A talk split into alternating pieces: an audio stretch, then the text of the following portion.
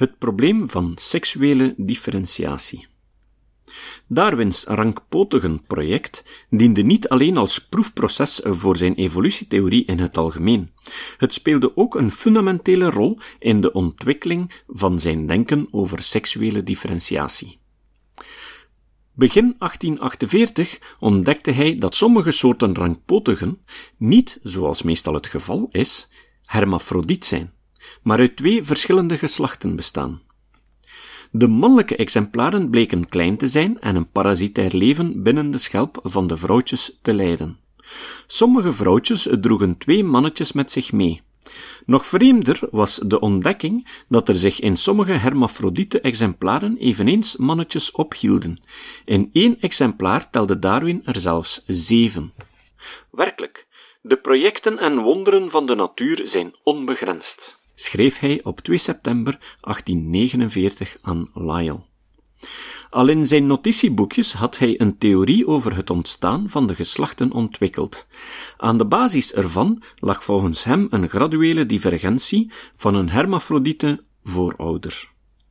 Organismen die afweken van het oorspronkelijke hermafroditisme specialiseerden zich, waardoor natuurlijke selectie ze bevoordeelde. Darwin meende dit inzicht bevestigd te zien in het seksleven van zijn rankpotigen. De studie ervan was de studie van evolutie in actie. Janet Brown's samenvatting van de situatie geeft uitstekend het belang van dit onderzoek weer. Door alle levende soorten samen te zetten, kon Darwin zich inbeelden wat waarschijnlijk gebeurd was in de loop van hun evolutie.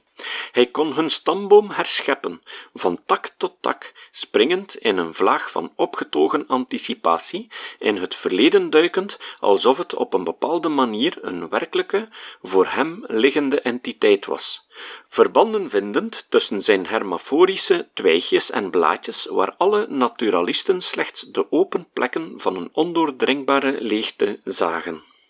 Door de zuivere kracht van de verbeelding zag hij hoe soorten door afstamming verbonden konden worden, een ontwikkelingsverhaal dat de geologische oudheid met het heden verbindt. Sommige rankpotigen waren gewone hermafrodieten, met de gebruikelijke mannelijke en vrouwelijke uitrusting naast elkaar in elk individu. Anderen representeerden een stadium van semi-hermafroditisme, waarbij de mannelijke organen nog naast de vrouwelijke aanwezig waren, maar versterkt werden door kleine, vrijlevende, extra of aanvullende mannetjes, zoals Darwin ze noemde. Verder langs de schaal hadden sommige soorten twee geslachten. De mannetjes, evenzeer klein en aan het vrouwtje bevestigd, levend als loutere zakjes spermatozoïden. Het proces was er een waarbij een hermafrodiet dier veranderde in een hermafrodiet met een extra mannetje, die op zijn beurt evolueerde tot een tweeslachtige soort, bestaande uit een vrouwtje en een parasiterend mannetje. 1995, pagina 478. Vergeleken met andere aspecten van Darwins werk is zijn rankpotigen studie weinig onderzocht. Dat komt wellicht doordat zijn geschriften erover minder ophefmakend lijken dan zijn andere werken en omdat het onderwerp veel eer saai oogt. Ik hoop dat ik de onterechtheid van die stiefmoederlijke behandeling min of meer heb aangetoond. Het is trouwens moeilijk voorstelbaar dat Darwin zich acht jaar met een onbelangrijk onderwerp zou hebben ingelaten, hoewel hij, in elk geval aanvankelijk, perioden van twijfel kende. Hierbij moet ik opmerken dat de acht jaar durende studie regelmatig onderbroken werd door zijn slechte gezondheidstoestand. Zelf noteerde hij in zijn journal, bij het beëindigen van zijn onderzoek, dat hij één of twee jaar verloren had door ziekte. In zijn autobiografie schreef hij De Cirripedia zijn een zeer gevarieerde en moeilijk in te delen groep soorten. Ik heb veel aan mijn onderzoek gehad toen ik in over het ontstaan van soorten de beginselen van een natuurlijke indeling moest bespreken. Niettemin vraag ik me af of het de moeite waard is geweest er zoveel tijd aan te besteden. Pagina 115.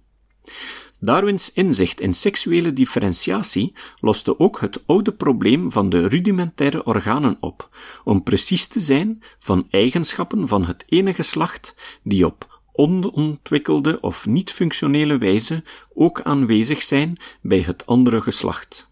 Zo stelde zich bijvoorbeeld het probleem waarom mannen tepels hebben. Vanuit een louter adaptationistisch oogpunt zijn ze een anomalie. Darwin realiseerde zich dat de aanwezigheid van tepels bij mannen een bewijs vormt voor zijn opvatting over de divergentie van de seksen. De beide menselijke geslachten ontwikkelden zich uit een hermafrodiet. Blijkbaar bestaat er een evolutionaire tendens tot divergentie en specialisatie van de seksen. De hele natuur is ertoe aangepast seksuele relaties te stimuleren, dacht hij, en de natuur heeft een hekel aan de idee van zelfbevruchting. Brown, 1995, pagina 479.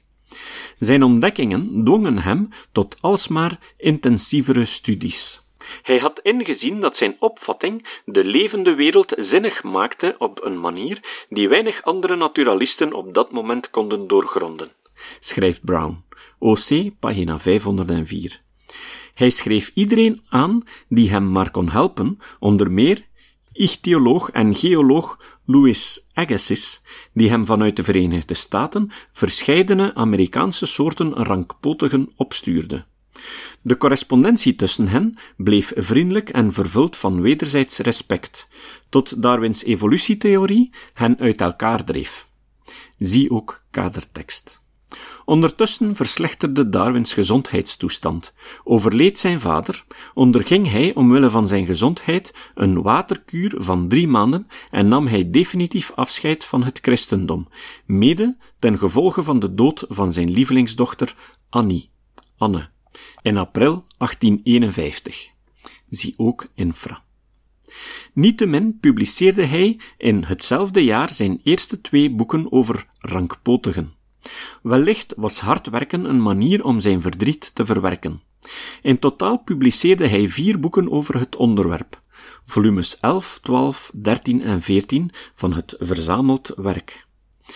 A Monograph of the Subclass Cirripedia, volume 1, de Lepadidiae, 1851, volume 2, The Balanidiae, 1854, A Monograph of the Fossil Lepadidiae, 1851, A Monograph of the Fossil Balanidae and Verucidae, 1854. Deze werken zijn tot op vandaag van belang voor de studie van rankpotigen, en in het bijzonder gelden ze nog steeds als een ideale introductie tot de formele taxonomie.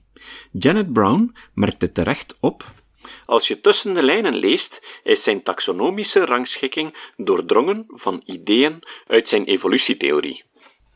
Ibid, pagina 504.